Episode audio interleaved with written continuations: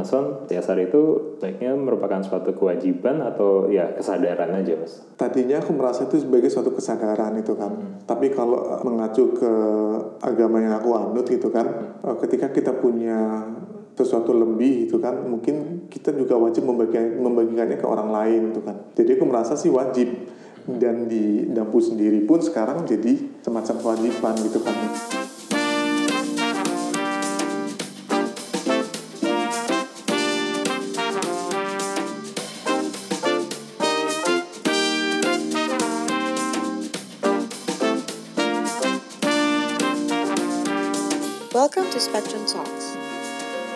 Podcast is presented by Sud Media, Creative Digital Lab. Ya, selamat siang. Di episode kali ini kita akan ngobrol-ngobrol sama Mas Sony Satriono. Di Mas Sony Satriono ini adalah co-founder dari Dampu Design, sebuah konsultan desain kemasan. Beliau juga eh, dosen grafik di Politeknik Negeri Jakarta ya Mas ya? Desain grafis. Desain grafis, oke. Eh, beliau juga menulis buku desain. Ya, kemarin coba saya search itu bukunya judulnya Mantra Kemasan Juara. Iya betul. Dijual di Gramedia dan ada di Amazon juga ya. Wah keren ya. Mas Son ini juga aktif di berbagai komunitas. Ada di komunitas Leica Indonesia dan beberapa komunitas kerelawanan seperti Kelas Inspirasi, KIJP, dan Ruang Berbagi Ilmu. Saya pertama kali ketemu Mas Son itu tahun 2015 di KIJP. Pulau Panggang. Ya, Pulau Panggang. Waktu itu KIJP pertama kita. Iya, betul. kan ya? Kita ngebayanginnya, oh bakal ke Pulau Seribu sambil liburan. Liburan, gitu. Terus iya. dapetnya jackpot dapet di Pulau Panggang yang begitu indah. Nah, di obrolan kita siang hari ini kita mau ngomongin soal profesionalism, volunteering, sama social responsibility. Oke, selamat siang Mas Son, apa kabar? Selamat siang Anggri. Alhamdulillah baik siang ini gitu kan. Anggri gimana kabarnya? Baik juga Mas. Itu yang buku Mantra Kemasan Juara, itu cetakan tahun berapa Mas? Itu baru cetakan pertama. Pertama itu nyetak eh, 3000 buku gitu kan. Tapi sekarang memang sold out di beberapa Gramedia, bahkan nyari sampai ke Surabaya kemarin juga kok nggak ketemu gitu kan. Tapi memang sempat nelpon ke penerbitnya itu cuma sisa berapa ratus gitu. Jadi mungkin kejualnya udah 2000 buku lebih sih. 2000 buku lebih. Itu dari tahun berapa Mas bikinnya? Terbit itu tahun 2016 awal. Oke, oke. Laris banget ya. Itu jadiin eh, kayak buku diktat jurusan lain kan? Iya itu itu sebenarnya bikin, bikin buku itu sebenarnya awalnya karena banyak mahasiswaku itu pada saat mereka nyusun tugas akhir atau skripsi mereka kesulitan untuk cari buku referensi berbahasa Indonesia. Nah makanya ya udah deh kita bikin itu plus untuk beberapa UKM eh, buat panduan pada saat mereka mau bikin desain kemasan yang baik itu gimana sih itu kan. Jadi makanya buku itu terbit karena dua hal itu sih sebenarnya. Oke, mantra kemasan juara ya. Tuh. Nah mungkin banyak pendengar yang belum kenal Mas Sony Satriono itu eh, profesinya sebagai apa sih sebenarnya? Bisa mungkin diceritain Mas terkait peran Mas Sony di dunia kerja itu ngapain aja? Eh, sebenarnya kalau mulai awal sih sama seperti yang lain ya gitu kan. Jadi awal juga meniti karir sebagai karyawan yang benar-benar dari bawah gitu kan. Tapi memang sejak dulu bercita-cita pengen punya usaha sendiri. Alhamdulillah sih setelah berapa tahun ya, ya mungkin sekitar hampir 10 tahun kerja malang melintang di perusahaan orang lain, akhirnya bisa bikin perusahaan sendiri bareng sama teman-teman. Eh, tiga orang teman kuliah di FISIP UI. Eh, sekarang sih sudah 15 tahun, karena berdiri tahun 2004 sampai sekarang 2019. Udah 15 tahun perusahaan berdiri dan alhamdulillah juga berkembang sih. Nama perusahaannya Dampu Design. Eh, nama kalau nama PT-nya PT Selasari Dampu, eh, nama brandnya Dampu Desain. Dampu Desain itu dari kata ide ampuh untuk desain. Oh, ide ampuh. Oke. Itu. Itu fokusnya di desain apa aja Mas? Sebenarnya sih core bisnis sih any kind of desain grafis ya. Cuman memang ke sini-sini itu klien menganggap bahwa kita punya kelebihan dibandingkan agensi lain untuk mengerjakan desain kemasan. Karena eh, Dampu itu paham mengenai teknik cetak. Karena kalau bikin kemasan kan agak berbeda dengan desain grafis pada umumnya. Jadi kita harus bisa bikin kemasan yang nanti kalau misalnya materialnya kertas cetaknya apa, materialnya plastik cetaknya apa, kemudian kalau misalnya kaleng cetaknya apa. Nah, Dampu punya kemampuan untuk itu. Makanya setiap desain yang dibikin di Dampu itu uh, biasanya sudah memikirkan teknik cetak sehingga nggak akan ada banyak kesalahan pada saat proses produksinya. Brand-brand yang udah dibantu apa aja mas yang sampai sekarang? Brand yang kebanyakan sih FMCG, uh, klien utama sih masih Unilever gitu kan. Kemudian ada juga Mayora, Indofood, oh, semuanya Food, major brand ya. itu nggak apa-apa itu mas uh, mereka saling compete gitu.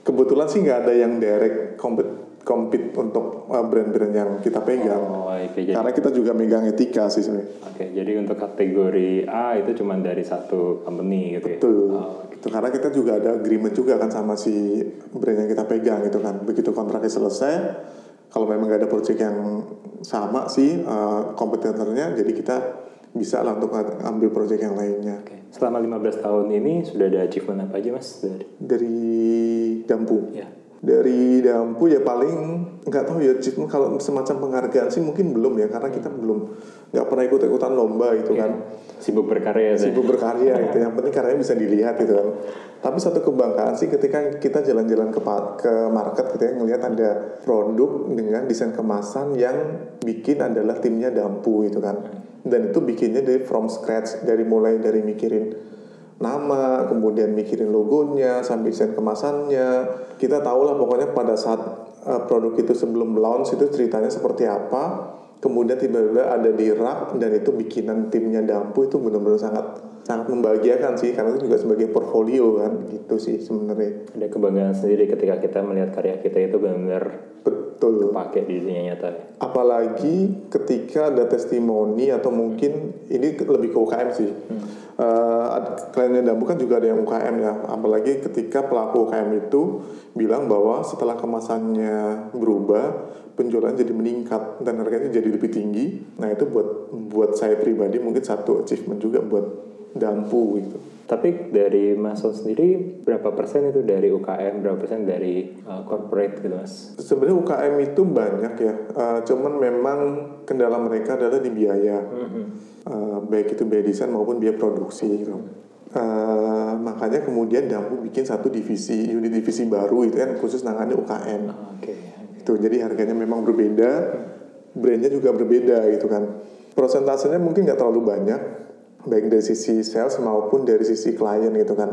Tapi eh, ngelihat apa namanya ke perkembangan karasi ini sih memang kayaknya akan meningkat untuk untuk yang UKM itu. Makanya sekarang jadi jadi divisi unit baru karena kita juga pengen bantu sih untuk UKM yang pengen naik kelas. Karena makin banyak UKM yang melek sama branding melek sama bahwa -hmm. packaging desainnya bagus tuh bisa menaikkan daya jual mereka loh kayak gitu betul. Gitu.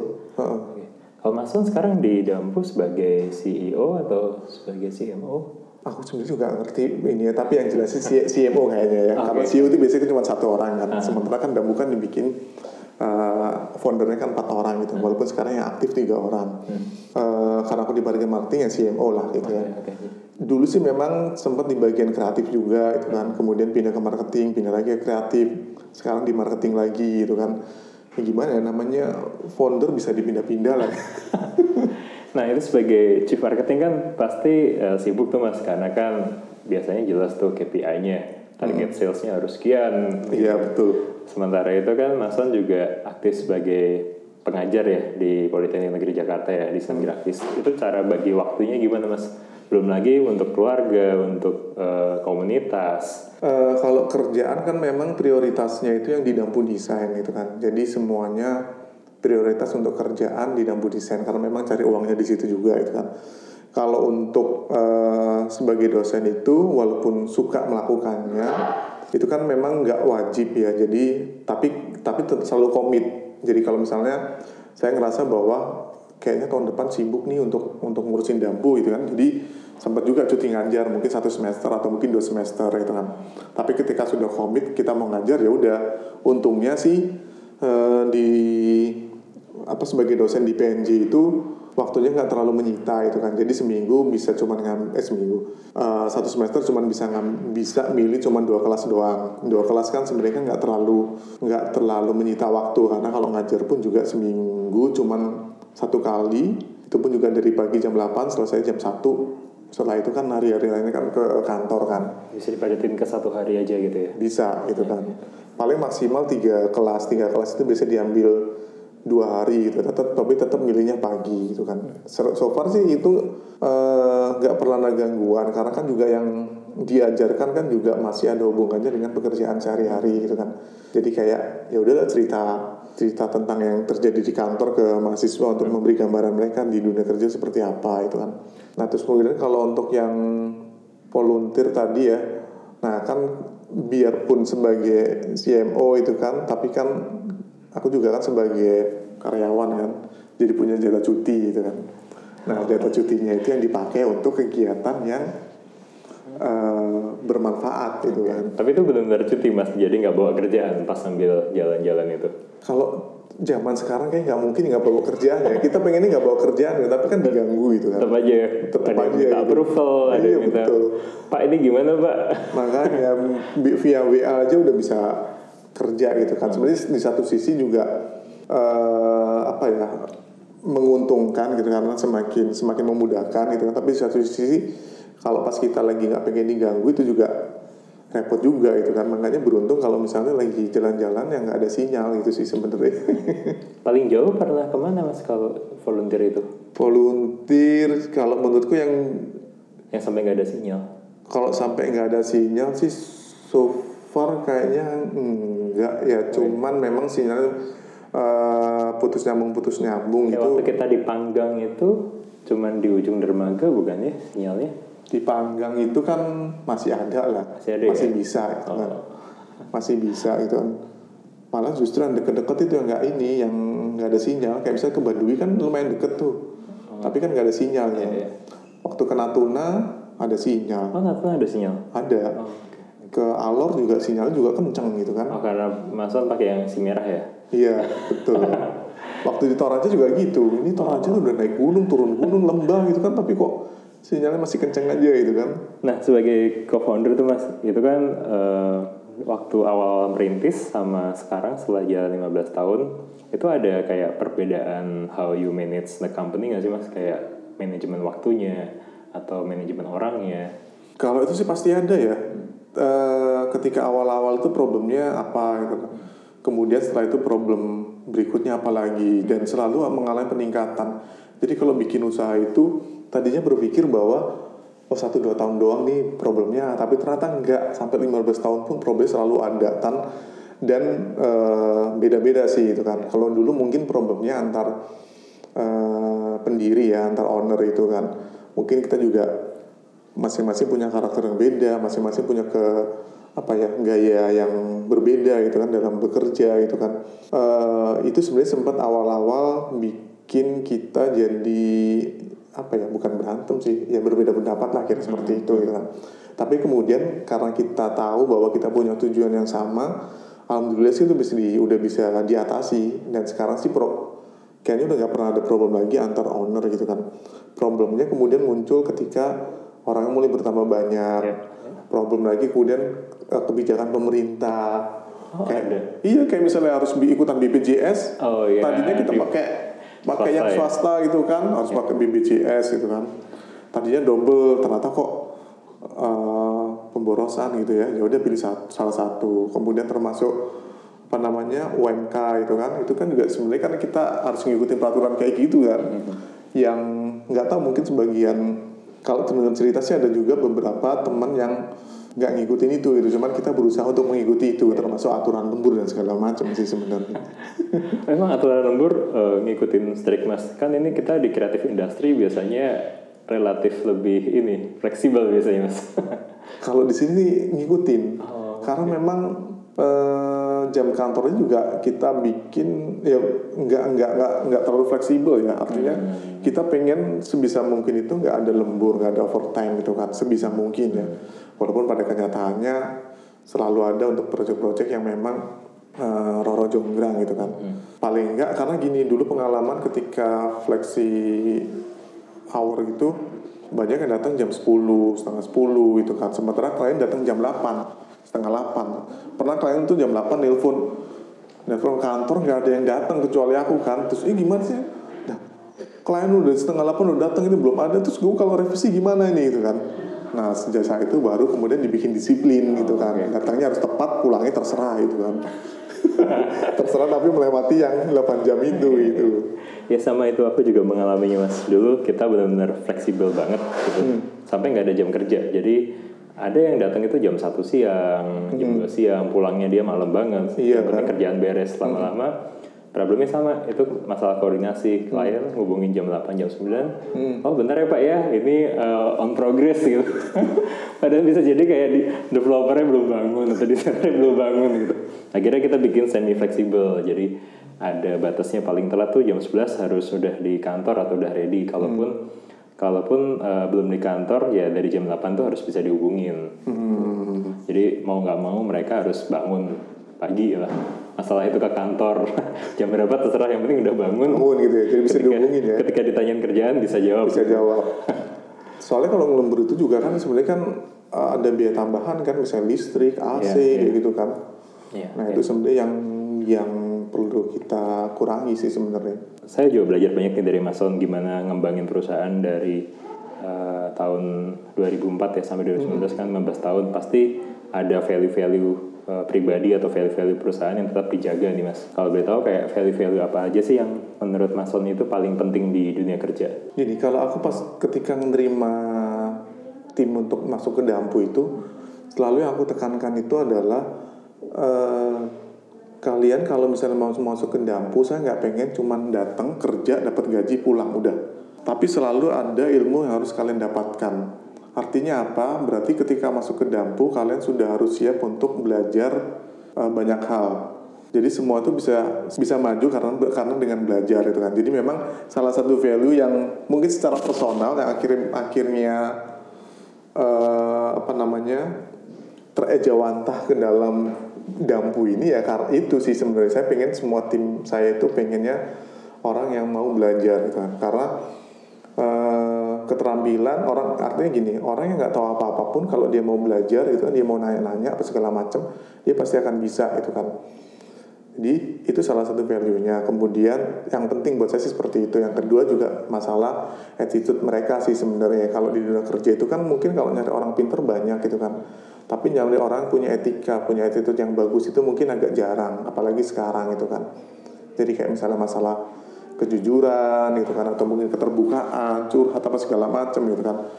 Kayak misalnya gini.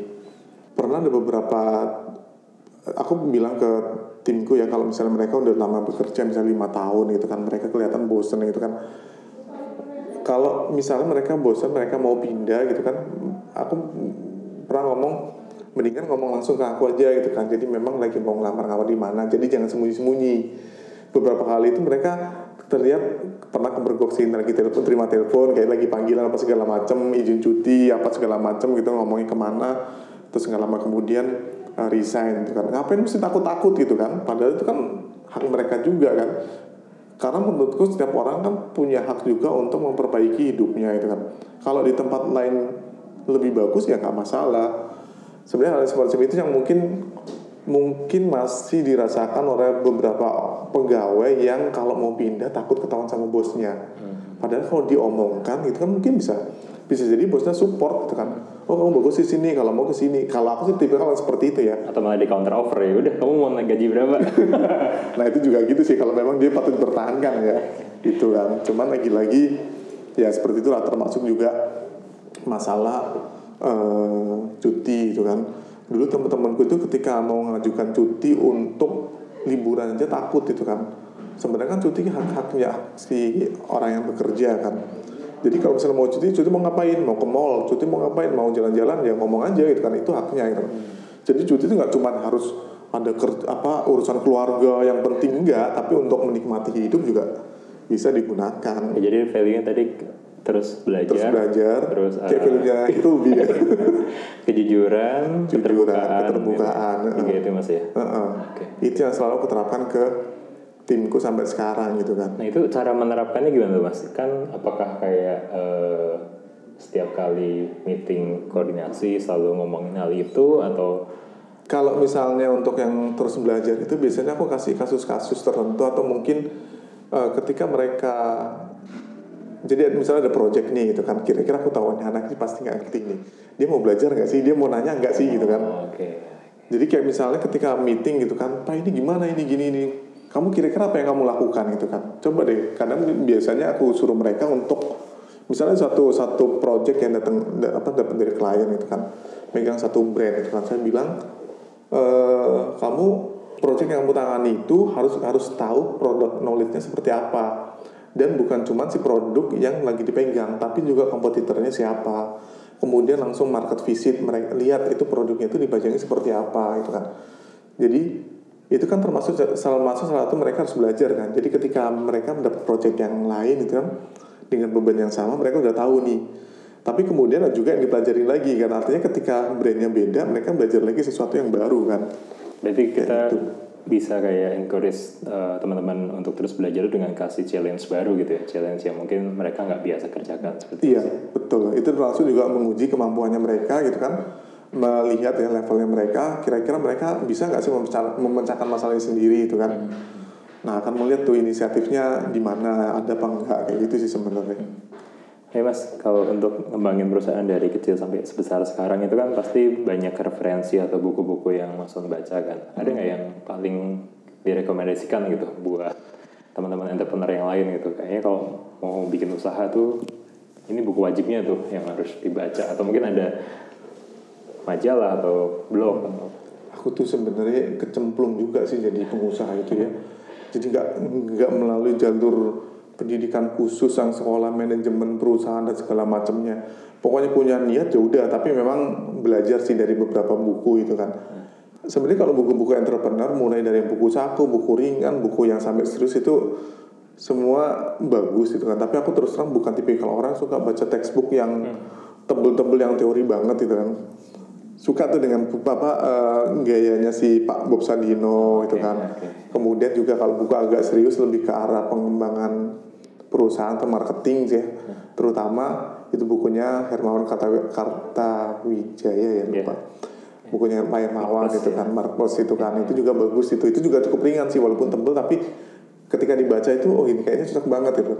Sama yang sebenarnya lebih penting adalah eh, tentang eh, buku karakter sama motivasi gitu kan ada satu salah satu buku yang aku suka sih sebenarnya yang eh, sebenarnya itu udah ada di diri setiap orang gitu kan tapi mungkin orang nggak nggak nggak gitu kan bagaimana untuk menumbuhkan itu. Itu yang Aid to be Great ya kalau nggak salah ya, bukunya Oh, si iya. Richard. Ya bukunya Richard siapa itu aku lupa gitu kan. Nah itu kan ada apa namanya ketika kita pengen jadi orang jadi gini yang aku baca sih ya di diri orang-orang sukses itu biasanya ada 8 sifat itu Iya. gitu walaupun mungkin nggak ke 8 8 tapi paling nggak mungkin uh, hampir hampir lah banyak lah di sifat-sifat itu ada di diri orang sukses salah satu mungkin mereka apa uh, kerja keras tekun gitu kan punya motivasi dan segala macam gitu kan. Nah menurutku kan sebenarnya setiap orang punya itu kan. Tinggal menggali kalau memang dia mau sukses ya udah tinggal itu aja ditumbuhkan lagi gitu kan. Sama Seven Habits itu buku buku lawas banget gitu kan. Tapi sampai sekarang kayak masih masih oke sih masih sebenarnya. relevan terutama habit-habit yang awal itu aku juga dulu baca waktu SMP kayak sekil- sekilas baca aja gitu sekarang pas baca ulang oh ternyata maksudnya tuh ini loh gitu Mm-mm. itu buku lawas banget tapi Iya. menurutku masih relevan sampai sekarang gitu kan. ya oke oke jadi eh, selain kita belajar hal-hal teknis juga hal yang buat self help yang buat ngerimain kita tentang basic personality atau karakter itu penting juga ya mas ya? Penting ya kalau itu itu memang penting. Karena di bisnis itu kan eh, banyak godaan ya gitu kan.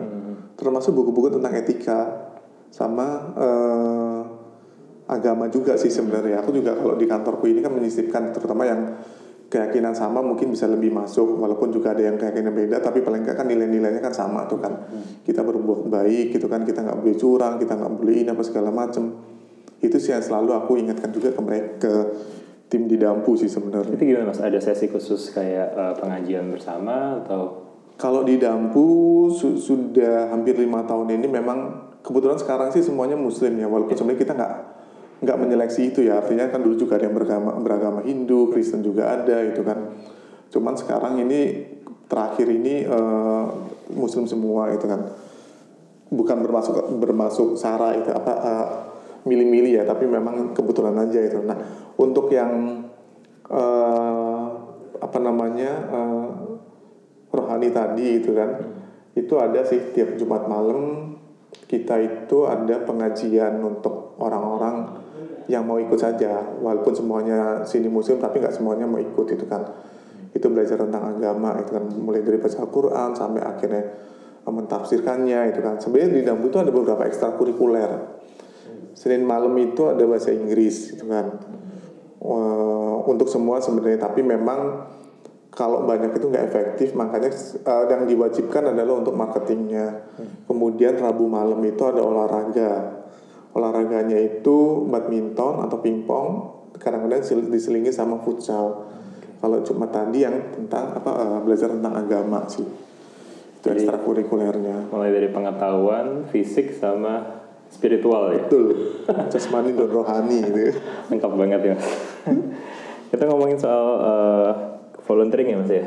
Boleh. Eh, Mas Sony udah pernah ikut kelas inspirasi atau KICP atau Ruby udah ke mana aja Mas? Tuh Kalau nanya jumlahnya kayaknya udah banyak banget nih. Tapi kalau jumlahnya aku bingung ya lupa ya tapi yang ya di Jakarta aja udah kayak kayak Jakarta udah tiga kali Bandung Jogja dua kali Jogja waktu itu kita barengan ya oh, sampai dua kali Mas ya. iya dua kali yang yang berikutnya aku ikut tapi memang nggak berkesan sih yang pertama doang yang Pertama kita bareng berangkat Heeh. pulangnya kan. iya yang sampai satu hotel itu kan nah jadi ingat nunggu ketok-ketok kamarnya nggak dibuka-buka. Terus kemudian Cirebon Kebumen Lombok Lombok tiga kali karena gue suka dengan eh, apa namanya alamnya. Yang tahun ini ikut Mas? Awal tahun. enggak Enggak ya? karena kan barengan sama pas aku lagi ke Toraja atau ke mana itu kan. Oh iya. terus kemudian kayak Garut dua kali kayak Bali Sumbawa Makassar Depok.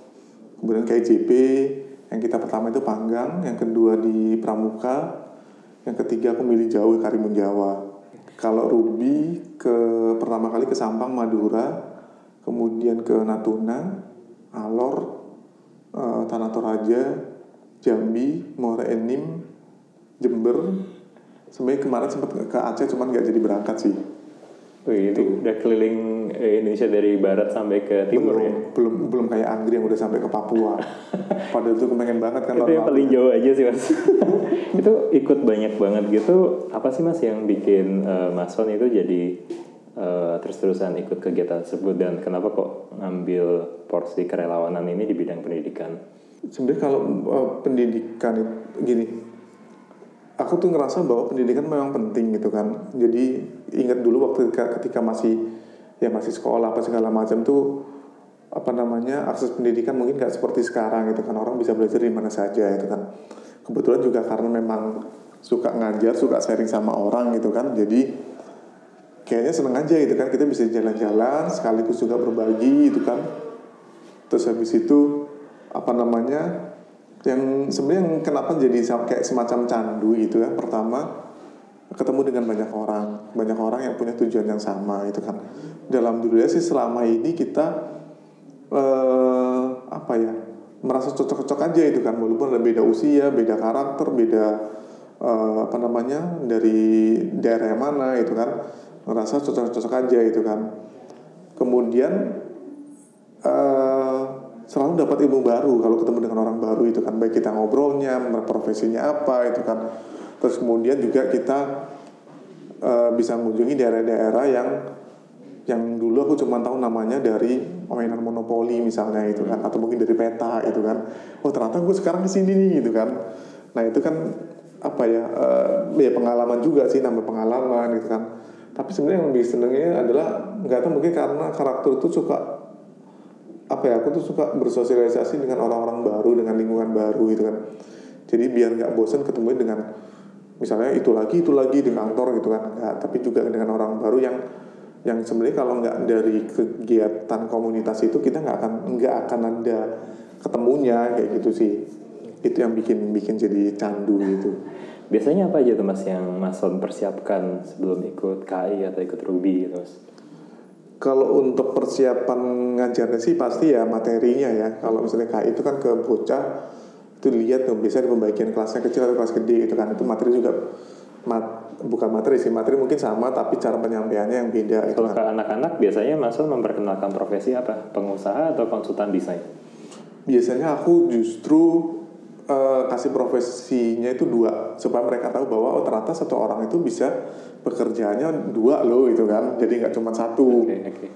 Apa itu mas biasa yang diperkenalkan? itu tadi eh, apa namanya sebagai dosen juga malah kadang-kadang tiga ya sebagai pengusaha kemudian desainer kemasan gitu kan sama sebagai dosen kan Tiga dalam satu kelas. dalam satu kelas Itu kelas besar kan? kelas besar biasanya kalau kelas-kelas kecil aku cuma ngasih tahu mereka Oke. eh, lebih ke arah gambar ya eh, visual Kalau dosen mungkin itu lebih mudah ya menjelaskannya. Tapi kalau sebagai pengusaha atau sebagai eh, konsultan desain gimana itu menjelaskannya ke anak-anak?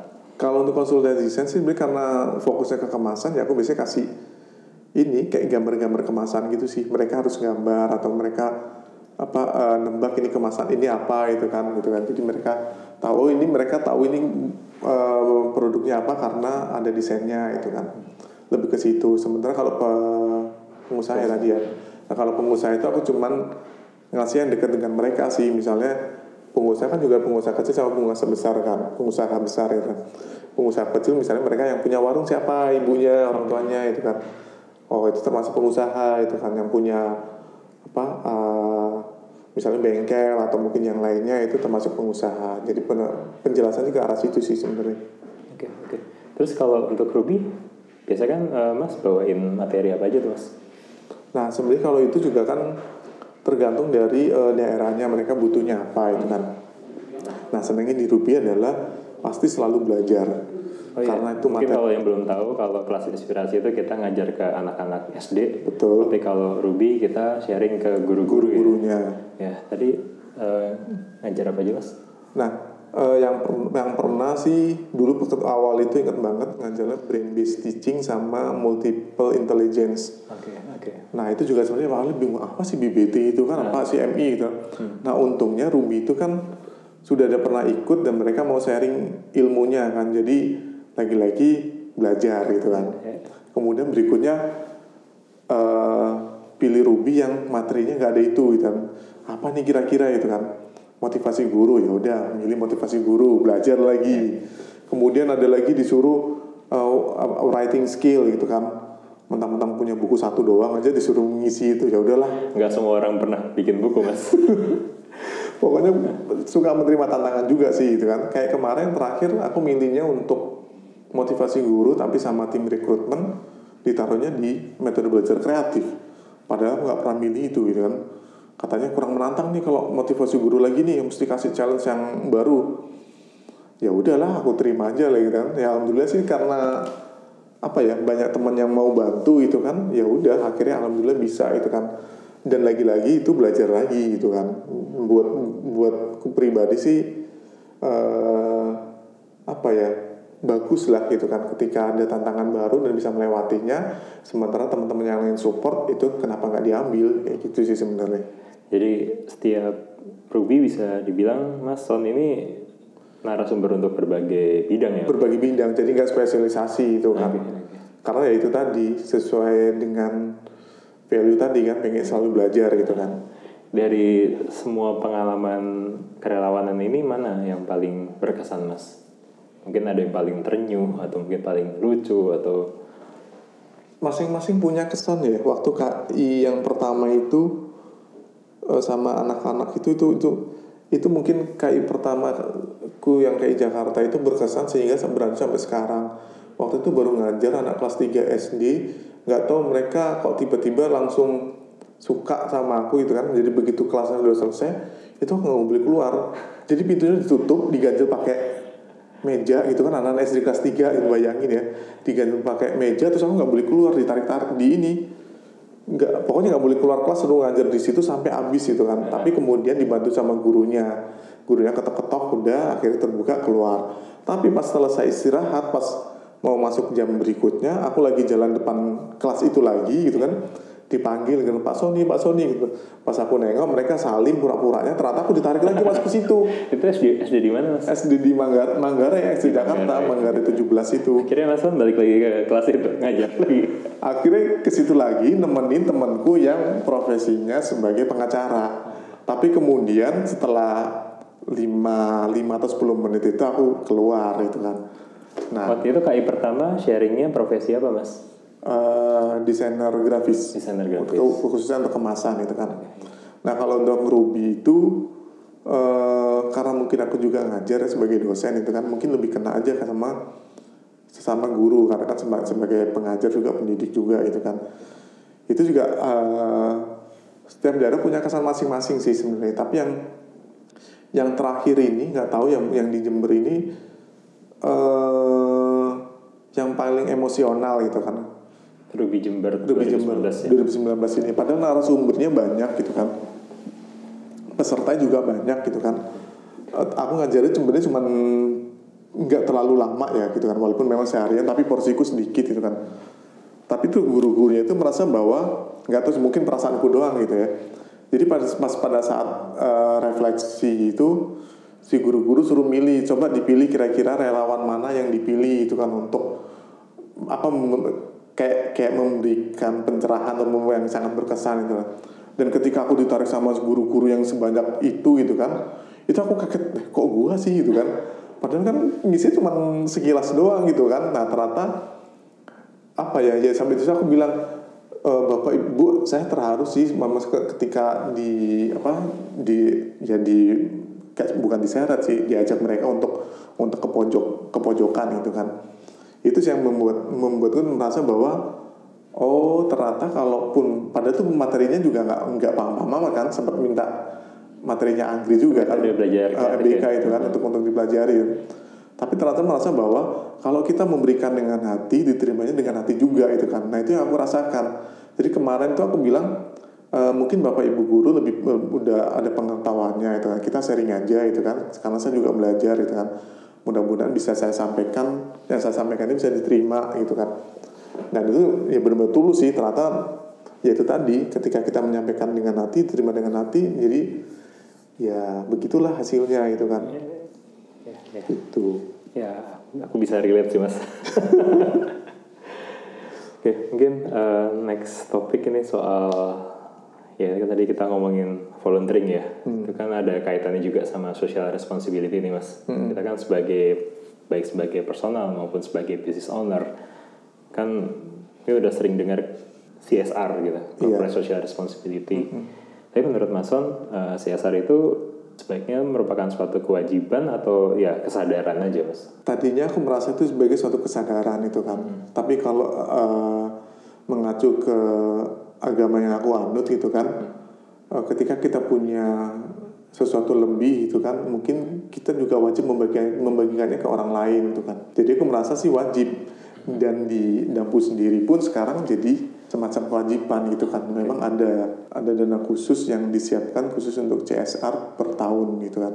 Itu sama dengan zakat atau mas, Be- beda. alokasi lebih lagi? beda lagi. Alokasi lebih lebih gitu kan jumlahnya juga lebih daripada yang zakat kalau misalnya zakat mungkin dua setengah persen itu kan. Ini kita lebihkan gitu kan. Dan alokasinya juga beda gitu kan. Kalau zakat mungkin ke pribadi kalau ini kan ke perusahaan apa perusahaan yang yang mengeluarkan. Tapi memang untuk eh, kebetulan kalau di Dampu itu concernnya tadi kan karena pengen orang selalu belajar. Jadi memang concernnya di dua hal. CSR itu untuk pendidikan sama untuk keagamaan. Jadi ketika ada dua kegiatan itu kalau memang lagi lagi apa ada dananya dan memang sesuai biasanya kita bisa mengucurkan itu itu kan Biasanya kegiatannya seperti apa mas?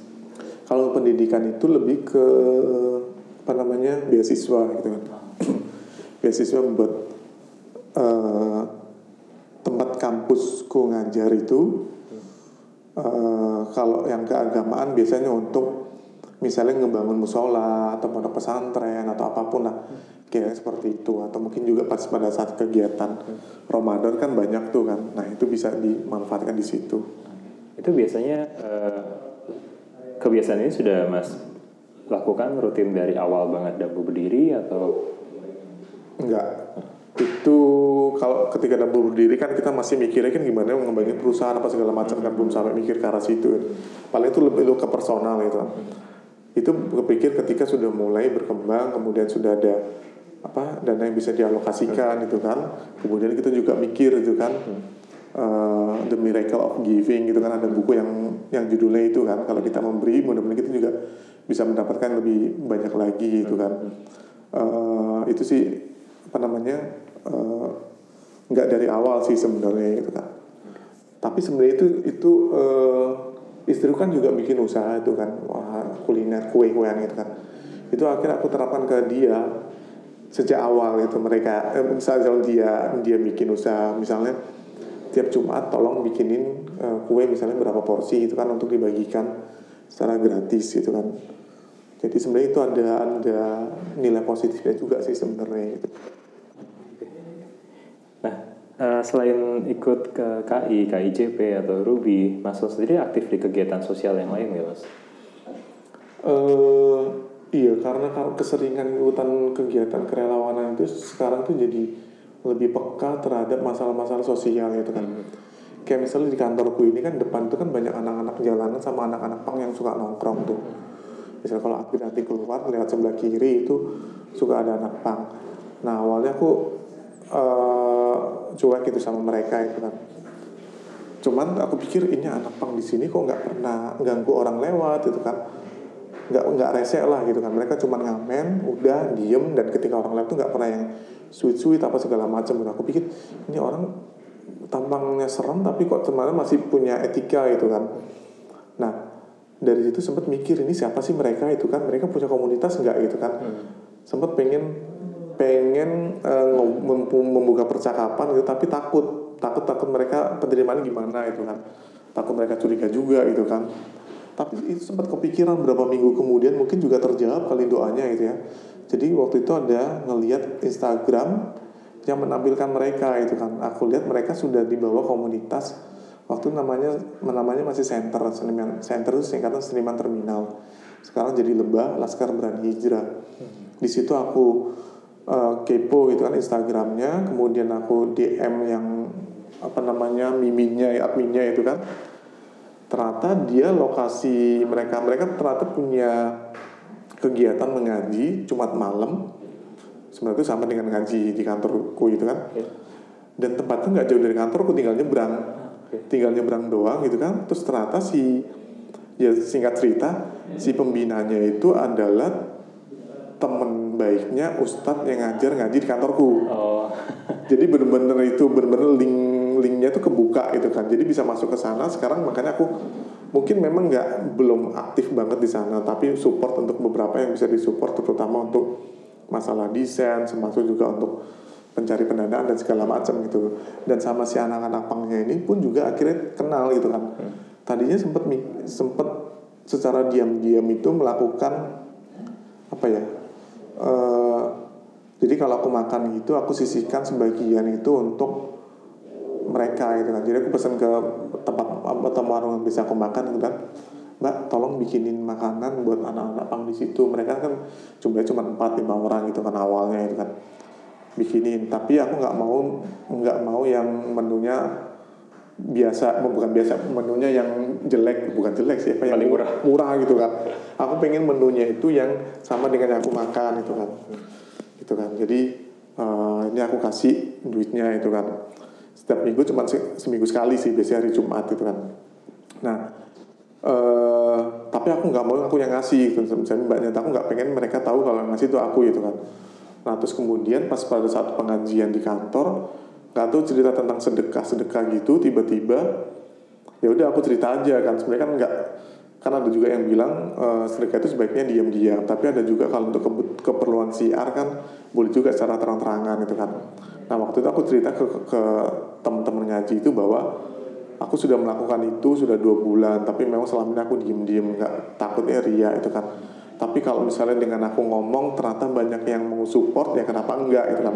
Karena aku melakukan ini pun juga melihat orang lain diberitakan dan itu jadi positif itu kan? Jadi mudah-mudahan sih ini hal yang positif bukan bermaksud aku aku menunjukkan apa yang aku lakukan enggak itu nah alhamdulillah ternyata teman-teman di pengajian itu pada support. Jadi sekarang tuh tiap Jumat itu kita bisa bisa bikin sampai 15 bungkus, 20 bungkus gitu kan. Jadi nggak cuma anak pang doang tapi orang-orang yang berada di jalanan, mungkin yang manusia gerobak atau mungkin yang pemulung gitu kan, itu yang bisa kita lakukan. Itu setiap Jumat sih sebenarnya. Dan eh, pengennya sih ini juga bisa diterus sama sama eh, yang lain ya ketika ketika apa aku ceritain gitu sih sebenarnya.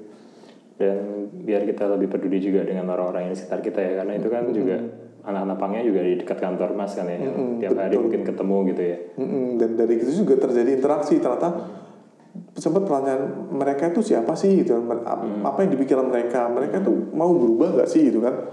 Ternyata kalau dengar itu mereka mau tapi memang eh, ya stigma masyarakat juga mungkin masih memandang sebelah mata masih nggak yakin mereka ini. Karena ya kalau proses apa berubah kan memang nggak langsung 180 derajat langsung sekejap kan melalui proses kan. Jadi dia bilang ya anak-anak itu mungkin sesekali masih eh, mabuk mungkin gitu ya. Yang pernah juga melihat tapi paling nggak mereka sudah mulai mengarah kebaikan itu kan. Sudah mau inilah walaupun ya dari banyak sebanyak orang itu puluhan itu mungkin cuma beberapa orang nanti yang akan jadi. Tapi paling nggak kan kita sudah melakukan eh, hal yang baik gitu sih sebenarnya. Oke, oke. Ya nih masuk ke segmen terakhir mas. Eh, mas Son ada pesan nggak buat teman-teman profesional yang lain atau business owner yang lain gitu supaya lebih aktif atau turun tangan di kegiatan sosial? eh bingung ya kes- kesannya kok tua gitu ya ngasih wajangan wajangan itu ya. Sampai nih malah bisa nih tapi sebenarnya gini sih eh, dengan membuka lapangan pekerjaan buat orang lain pun itu juga bagus itu kan.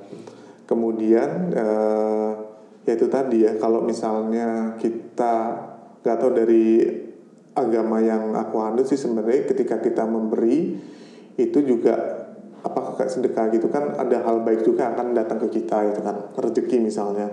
Rezeki kan juga nggak harus berupa uang kan termasuk juga kesehatan atau mungkin yang lainnya itu kan. Dan itu eh, sering kali juga kita dapatnya dari hal yang nggak nggak kita sangka-sangka itu kan. Jadi kalau misalnya eh, jadi entrepreneur itu kan bisnis oke tapi ketika ada ada hal-hal yang memang harus dibantu ya dibantu itu kan. Kayak misalnya gini eh Dambo itu kan bisnisnya desain desain kayak yang dijual adalah desain itu kan. Ketika kita bicara tentang bisnis eh, ke, ke klien yang memang apa hubungannya bisnis ya kita ngomongin duitnya eh, yang jelas secara profesional itu kan. Tapi ketika kita melihat eh, ada teman atau mungkin ada orang lain yang perlu dibantu untuk untuk misalnya desainnya itu kan ya kita nggak usah menghargai itu itu kan. Kita dengan memberikan apa memberikan konsultasi mungkin atau mungkin memberikan eh, visual design yang bagus untuk produknya dia itu kan.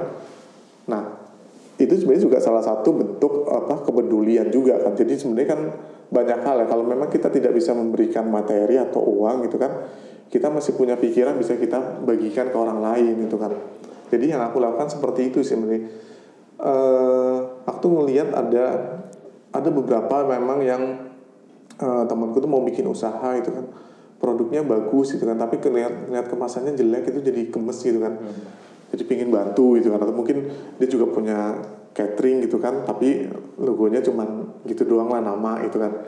Itu gemesnya kalau dibikin bagus ini kayaknya pasti akan eh, apa ya eh, mungkin enak lah dilihat gitu. Kan mungkin juga produknya akan akan laku juga naik kelas gitu kan. Dan ternyata ketika aku bantu gitu kan itu benar-benar free gitu kan. Itu memang ternyata eh, bisnis sampai sekarang sih masih lancar masih bahkan berkembang. Dia udah dia udah punya kedai gitu kan. Itu yang sebenarnya yang ya hal kayak gitulah sebenarnya yang aku bilang tadi kan. Jadi nggak harus dalam bentuk uang. Kalau kita punya Skill. uh, skill yang lain yang bisa membantu mereka untuk lebih baik lagi ya itu bisa kita kita bagikan sih sebenarnya Dan semakin banyak kita berbagi, rezeki itu nggak pernah kurang ya buat kita. betul ya. iya itu harus diyakini kayak gitu sih Ya, sebenarnya ya. Saya kira itu menurutku universal uh, belief sih. Hampir Betul. semua orang pasti percaya hal itu.